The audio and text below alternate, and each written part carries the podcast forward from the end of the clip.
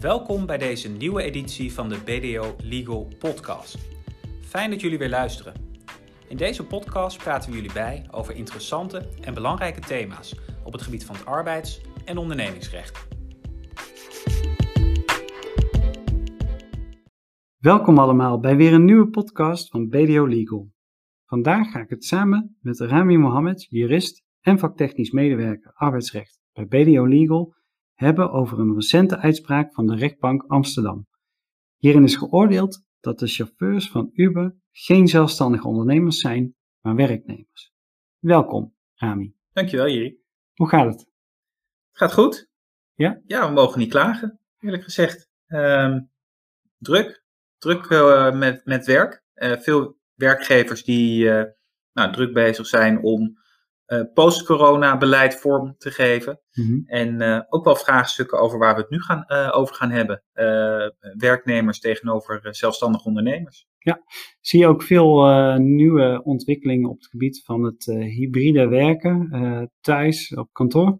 Ja, absoluut. Dat is eigenlijk wat ik ook bedoelde met dat eerste punt. Hè. Werkgevers die nu proberen te kijken van oké, okay, we komen uit de coronacrisis. Hoe gaan we het werken nu langdurig vormgeven? Gaan werknemers meer thuiswerken of niet? Gaan ze hun eigen werktijden meer bepalen? Ja, dat soort zaken. Het is belangrijk om daar goed over na te denken en uh, ja, beleid voor te maken. Ja, oké, heel goed. Um, daar gaan we het vandaag verder niet over hebben. Waar we het wel over gaan hebben is uh, de uitspraak van de rechtbank Amsterdam. En voordat we daar dieper op inzoomen, waarom is deze uitspraak van belang? Nou, goede vraag. De uitspraak is van belang, omdat we de laatste jaren toch steeds meer bedrijven zien die een platform opzetten om arbeidskrachten en opdrachtgevers met elkaar te verbinden. Denk bijvoorbeeld aan Uber, waar we het vandaag over gaan hebben, maar ook aan Deliveroo, Helpling, Werkspot, uh, dat soort platforms. Soms zijn die platforms beperkt echt tot het bij elkaar brengen van vraag en aanbod, maar steeds vaker zien we dat die platforms verder gaan. Wordt bijvoorbeeld een algoritme geschreven dat bepaalt hoe het werk wordt verdeeld en welke prijs daar wordt, uh, daarvoor wordt gevraagd. En ook gaat er vaak een disciplinerende werking uit van het algoritme. Als het werk bijvoorbeeld niet op de wijze wordt uitgevoerd zoals het algoritme het graag heeft, ja, dan zie je dat dat invloed heeft op de hoeveelheid of de kwaliteit van het werk dat wordt aangeboden. En, en werkt dat dan bijvoorbeeld met recensies van klanten? Um, ja, uh, Recensies van klanten, zeker, maar ook ratings vanuit de opdracht of vanuit het platform zelf, hè, Ja. die dus bepaalde rangen toekent aan, uh, aan de arbeidskracht die ingeschreven staat. Dus dat kan uh, verschillende, op verschillende manieren. ja, maar het gaat dus verder inderdaad dan alleen maar. Hier heb je vraag van de klant en daar heb je aanbod van iemand die een dienst verricht en dat wordt bij elkaar gebracht. Ja, zeker. Ja. Nou, en veel van die platforms kwamen in het verleden nog weg met de stelling dat dat geen werkgeverschap opleverde, omdat de platforms slechts bedoeld waren om vraag en aanbod bij elkaar te brengen. Ja, dat zorgde eigenlijk wel voor schijnende situaties, uh, zoals bijvoorbeeld onderbetaling of extreme werktijden, benadeling bij ziekte. Um, en we zien nu dat de rechtspraak deze arbeidskrachten steeds meer in bescherming neemt en oordeelt dat de arbeidskrachten vaak eigenlijk werknemers zijn. Nou, en dat heeft grote gevolgen voor de platforms waar we het nu over hebben en ook de vele duizenden arbeidskrachten die daarvoor werkzaam uh, zijn. Ja, ik heb er geen studie naar gedaan, maar ik, ik kan me ook zo voorstellen dat het, dat het vroeger, hè, want dan heb ik het over, over 10, 15 jaar geleden misschien, dat nou, bepaalde websites ook zo begonnen zijn. Hè? Van nou ja, goed, er is een vraag in Nederland van, van klanten. Er is ook aanbod van, van mensen die klusjes kunnen doen of, of, of wat dan ook. Nou, nou ja, we maken een, een website en daar kunnen de, ja, kan de ene partij zich aanmelden en de andere en dan leren ze elkaar kennen, zeg maar. Ja. Uh, dus denk jij ook dat de platforms ook echt veranderd zijn in de afgelopen, nou zeg, vijf jaar? Nou, de afgelopen vijf jaar is misschien nog wat kort, al Mhm. is in technologieland vijf jaar Mhm. heel lang. Ja, precies. Um, kijk, wat je wel ziet is dat nu uh, de technologische mogelijkheden toenemen. Uh, algoritmes, uh, AI, dat soort zaken. Ja. Dat platforms daar ook gebruik van gaan maken Mhm. om ja, te sturen in het bij elkaar brengen van vraag en aanbod. En ook steeds meer bepalen van hoe wordt vraag en aanbod bij elkaar gebracht. Wat moet degene die het aanbod levert precies doen in het kader van de dienstverlening. Ja, en dan kom je toch al snel op. Eh, dat het meer is. Ja, ja dat het meer is dan alleen wij hebben een website waarop mensen elkaar kunnen vinden. We gaan ook echt sturen in hoe vinden mensen elkaar, wat spreken ze met elkaar af. Mm -hmm. Ja, en dan krijg je toch meer risico's over het onderwerp waar we het vandaag over gaan hebben. Dat dat platform, dat die arbeidskrachten geen zelfstandig ondernemers zijn, maar eigenlijk werknemers. Ja, nou, dan gaan we nu inzoomen op, op die uitspraak van de rechtbank uh, Amsterdam. Want wat heeft hij dan concreet geoordeeld in het geval van Uber? Nou, de rechtbank Amsterdam heeft geoordeeld dat de chauffeurs die bij Uber werkzaam zijn, werkzaam zijn op basis van een arbeidsovereenkomst, in plaats van een overeenkomst van opdracht als zelfstandig ondernemer. En daardoor kunnen de chauffeurs een beroep doen op de beschermende werking van het arbeidsrecht. Nou, hoe komt de rechtbank dan tot dat oordeel? Nou, in eerste instantie door te kijken naar de vereisten voor een arbeidsovereenkomst. En die zijn eigenlijk heel duidelijk, want die staan in de wet. Op het moment dat er sprake is van, kort gezegd, loon, arbeid en een gezagsverhouding, dan spreken we over een arbeidsovereenkomst. Heeft de Hoge Raad daar niet uh, enige tijd geleden ook een, een, belangrijk arrest over gewezen? Zeker, de Hoge Raad heeft enige tijd geleden uh, ook een belangrijk arrest uh, gewezen over dit kwalificatievraagstuk. Ja. En dat ging om een zaak bij de gemeente Amsterdam. Mm -hmm. um, en daarin heeft de Hoge Raad ook gezegd: je kan de, de wil van partijen doet er niet toe, even ja. simpel gezegd. Het gaat echt om die drie essentiële voorwaarden voor een arbeidsovereenkomst. Als daaraan is voldaan, dan is er sprake van een arbeidsovereenkomst, ook al hebben partijen dat niet gewild. Ja, oké, okay, ja. duidelijk. Nou ja, wat belangrijk is om te weten, zowel bij een arbeidsovereenkomst als een overeenkomst van opdracht, is er doorgaans sprake van loon en van arbeid. Dus het onderscheidende criterium is de gezagsverhouding. En daar gaat het ook vaak over in dit soort zaken. Oké, okay, uh, duidelijk. Die gezagsverhouding is dus wat echt het verschil maakt. Uh, wat heeft de rechtbank daarover uh, gezegd? Nou, met betrekking tot die gezagsverhouding heeft de rechtbank Amsterdam geoordeeld dat het platform van Uber niet alleen vraag en aanbod bij elkaar brengt, maar dat het platform en het algoritme ook vooral vrij diep ingrijpt op die arbeidsrelatie. Zo zijn de voorwaarden van het platform van Uber bijvoorbeeld niet onderhandelbaar. En chauffeurs die inloggen op de app moeten die voorwaarden telkens accepteren om überhaupt toegang te kunnen krijgen tot het platform. Mm-hmm. Dus Uber bepaalt eenzijdig de voorwaarden waaronder die zelfstandige ondernemers tussen haakjes kunnen deelnemen aan het platform. Ja. Daarnaast bepaalt het algoritme ook hoe de ritten worden verdeeld en welke prijs daarvoor wordt gerekend. Dus daar hebben de zelfstandige ondernemers, weer tussen haakjes, geen vrijheid in. Nee. Het algoritme bepaalt wat je doet en tegen welke prijs je het doet. Ja, je hoort hier al het woordje zelfstandig, is, hè, dat wordt steeds verder uitgehold. Ja, uh, heel zelfstandig zijn de ondernemers hier uh, inderdaad niet. Uh, en dat is ook uiteindelijk wat ten grondslag ligt aan het oordeel van de rechtbank natuurlijk. Ja. Nou, ander punt waar de rechtbank Amsterdam op heeft gewezen is dat er een disciplinerende werking uitgaat van het algoritme. Want de rating en de rang van een chauffeur heeft invloed op de kwaliteit en de hoeveelheid van de ritten die worden aangeboden. Dus op het moment dat een chauffeur een slechtere rating heeft of een lagere rang, um, dan krijgt hij ook minder of minder goede ritten tot zijn beschikking. Ja. Zo kwam bijvoorbeeld in de uitspraak naar voren dat de ritten vanaf Schiphol heel erg gewild waren. Nou, die kreeg je dus minder met een lagere rating. Ja, en die rating die wordt dan weer bepaald aan de hand van hoe jij de opdracht uitvoert. Klopt, de rating komt vanuit de klanten, maar binnen Uber hebben ze kennelijk ook een rangensystematiek. Uh, de rang bepaalt Uber zelf. En op het moment dat je hoger op de ranglijst staat, uh, krijg je ook weer betere ritten uh, toebedeeld. Ja, oké. Okay. Uh, verder worden chauffeurs van het platform van Uber uitgesloten wanneer ze bepaalde handelingen verrichten, zoals bijvoorbeeld het te vaak annuleren van een rit of een te lage rating hebben. Mm-hmm. Maar ook daar zie je weer echt zelfstandig zijn die arbeidskrachten niet. Ze Ja. zijn heel erg afhankelijk van uh, voldoen zij aan de verwachtingen van Uber. En als Ja. het antwoord daarop ja is, kunnen ze prima deelnemen aan het platform, maar als het antwoord nee is, dan niet. Ja, ten slotte beslist Uber ook nog eens eenzijdig bij klachten van klanten over een eventuele oplossing. Dus Uber bepaalt wat de oplossing dan is in dat geval.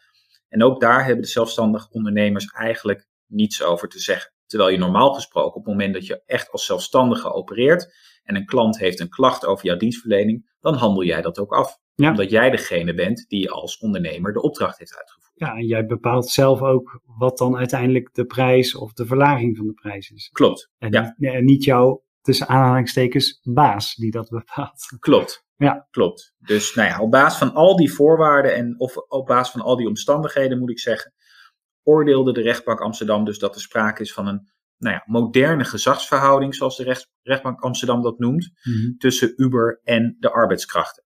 Nou, dat houdt volgens de rechtbank dan in dat er sprake is van een meer indirecte, vaak digitale vorm van controle, waarbij werknemers zelfstandiger zijn geworden en hun werk vaak op wisselende, zelfgekozen tijden en locaties verrichten. Dus de rechtbank gaat niet uit van een ja, eigenlijk oud uh, begrip. Uh, we kunnen ons wel voorstellen, een, een, wat oudere vorm van een gezagsverhouding is de werkgever die continu meekijkt over de schouder van de werknemer. Of de, de prikklok, zeg of maar. Of de prikklok, ja. ja. Nou, daarvan zegt de rechtbank, dat is niet nodig voor een gezagsverhouding. In de moderne tijd kan een gezagsverhouding ook op afstand, ook digitaal plaatsvinden en ook met een behoorlijke mate van vrijheid voor de werknemer. Ja, want dat, dat zie je eigenlijk ook buiten de platforms, hè, waar we de podcast mee begonnen. Het, uh, steeds meer thuiswerken, hybride werken zelf je tijd indelen. Dat is eigenlijk een kenmerk van het moderne werken. Zeker, ja. zeker. Dus daar, daar, daar, daar, daar ligt die koppeling inderdaad. En de rechtbank Amsterdam zegt dan ook, ja, hier is gewoon sprake van een arbeidsovereenkomst met een moderne gezagsverhouding. Ja, oké, duidelijk. Nou, dan hadden we dus al loon en arbeid, wat eigenlijk bij overeenkomst van opdracht uh, normaal gesproken ook uh, zo is. En dan dus die moderne gezagsverhouding. Nou, dat kwalificeert dus als een arbeidsovereenkomst. Wat zijn dan de gevolgen van die conclusie? Nou, allereerst betekent deze uitspraak van de rechtbank Amsterdam dat de arbeidskrachten werkzaam zijn op basis van een arbeidsovereenkomst en dus een beroep kunnen doen op de beschermende werking van het arbeidsrecht. Denk bijvoorbeeld aan bescherming bij ontslag, eh, maar ook loonbetaling tijdens ziekte. En dat zijn allemaal zaken waarin het arbeidsrecht de werknemer beschermt tegen acties van de werkgever die misschien minder redelijk zijn. Ja. Uh, maar nu de arbeidskrachten dus ook werknemers zijn, vallen ze ook uh, onder de CAO taxivervoer. Want de CAO taxivervoer bepaalt dat, even kort gezegd, onder de, de rijkwijd van de CAO vallen werkgevers en werknemers die in de taxibranche werkzaam uh, zijn. Ja. Nou, voorheen werd het standpunt ingenomen dat het geen werknemers waren, maar ondernemers. Daarom zou Uber er niet onder vallen. Maar nu zijn het toch werknemers, blijkt. Dus vallen ze er wel onder. Ja. En dat betekent dat ook alle voorwaarden die uit die, uh, uit die CAO volgen, dat die moeten worden toegepast. Uh, en onder andere uh, kunnen Uber-chauffeurs op het moment dat ze in het verleden te weinig betaald hebben gekregen, aanspraak maken op achterstallig loon. En wel over de afgelopen vijf jaar, wat de verjaringstermijn is voor dit soort vorderingen. Okay. Dus daar gaat, dat is een behoorlijke kostenpost voor ja. Uber. Ja, nou, Uber heeft dan nog bij de rechtbank gezegd van uh, wij hoeven dat alleen te doen wat ons betreft als werknemers dit willen. Ook als werknemer aan de slag willen en zo gekwalificeerd willen worden. Maar daar gaat de rechter eigenlijk niet in mee. We hebben eerder al besproken, de Hoge Raad heeft ook eigenlijk gezegd de bedoeling van partijen is voor de kwalificatie niet relevant. Um, en hier zegt de rechter ook, op het moment dat we dat zouden toestaan, ja, dan is dat wel een hele makkelijke uitweg uit het arbeidsrecht. Want dan kan je als werkgever werknemers onder druk zetten om te verklaren dat ze geen werknemer zijn. En dan zou je dus ook onder het arbeidsrecht uit kunnen komen. Ja. Dat is niet de bedoeling van het arbeidsrecht. De bedoeling van het arbeidsrecht is nou juist dat de werknemer, die in een afhankelijke relatie zit van de werkgever, op bepaalde punten te beschermen. Ja, duidelijk. Ja, nee, uh, terecht lijkt me. Um, even de andere kant op geredeneerd. Brengt dat dan ook plichten met zich mee uh, voor die werknemers? Want het zijn dan nu werknemers. Ik kan me ook zomaar voorstellen dat dan ineens in de CAO of waar dan ook staat. Dat, nou ja, goed, ik, ik moet bijvoorbeeld ook gewoon op uh, bepaalde dagen werken. Dat een Uber-chauffeur ook gewoon opgeroepen kan worden om te werken. Ja, zeker. Dat kan ook plichten met zich meebrengen voor werknemers. Even afhankelijk van wat er inderdaad mm-hmm. in de CAO ja. uh, voor uh, taxivervoer uh, staat. Ja. Um, maar daar zou bijvoorbeeld iets in kunnen staan over bepaalde werktijden of bepaalde werkzaamheden die wel of niet mogen worden verricht. Ja, dat kan dus ook een beperking zijn van de vrijheid van die, van die werknemers. Ja. Absoluut. Oké. Okay. Um, nou, duidelijke uitspraak volgens mij. maar ik heb zo het gevoel dat Uber hier niet heel blij mee is. Dus gaan zij hierin mee of gaan ze in hoger beroep? Nou, zij gaan in hoger beroep. Dat is op zich natuurlijk ook wel ergens te verwachten, Mhm. gezien de belangen die ermee gemoeid zijn. Ik had het net al over die loonvorderingen over de afgelopen vijf jaar. Ja. Dus Uber gaat zeker proberen in hoger beroep om die uitspraak van tafel te krijgen. Is wel de vraag of in hoger beroep anders zal worden geoordeeld. Ik denk dat de kans groter is dat daar een, eenzelfde redenering uitrolt.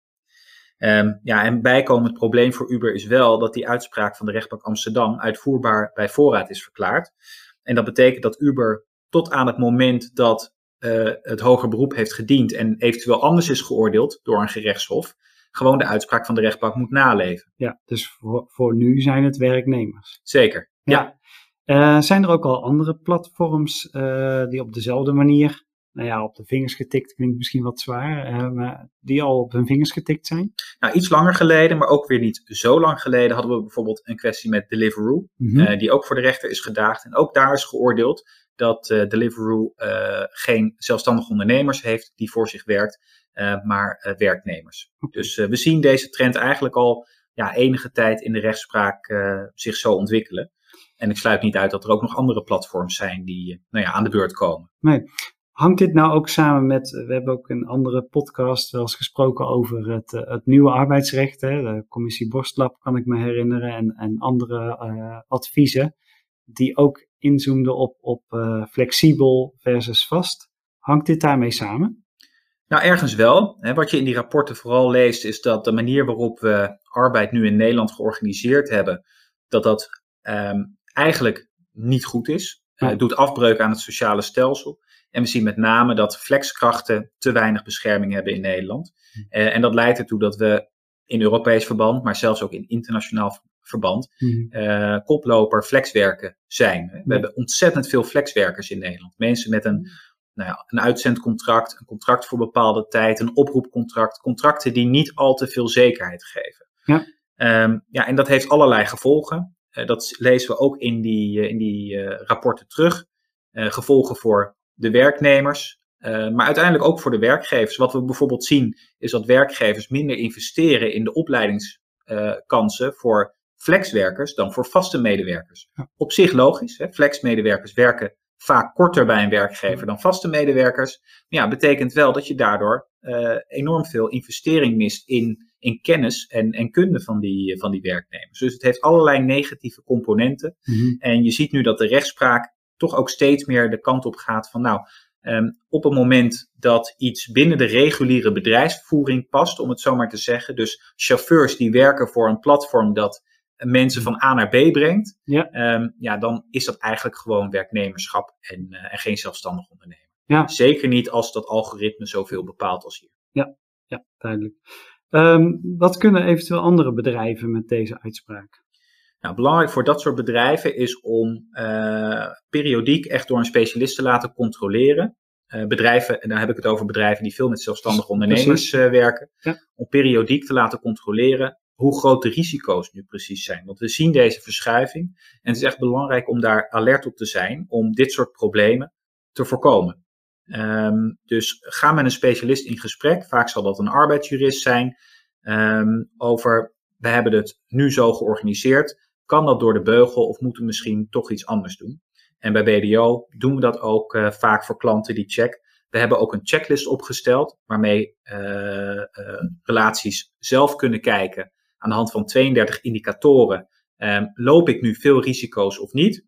Ehm, en als daaruit komt dat er inderdaad veel risico's zijn, dan kunnen we daarover in gesprek gaan om te kijken wat een uh, mogelijke oplossing is. En die checklist kan bij ons gewoon worden aangevraagd gratis via legal.bdo.nl. Dus als er bedrijven zijn die veel met zelfstandige ondernemers werken, die kunnen zeker even een mail sturen om die checklist uh, op te vragen. Oké, heel goed. Uh, dank voor de heldere uitleg. Dan zijn we daarmee aan het einde gekomen van deze BDO Legal podcast. Ik wil Rami bedanken voor zijn bijdrage. Bedankt ook voor het luisteren en hopelijk tot een volgende keer.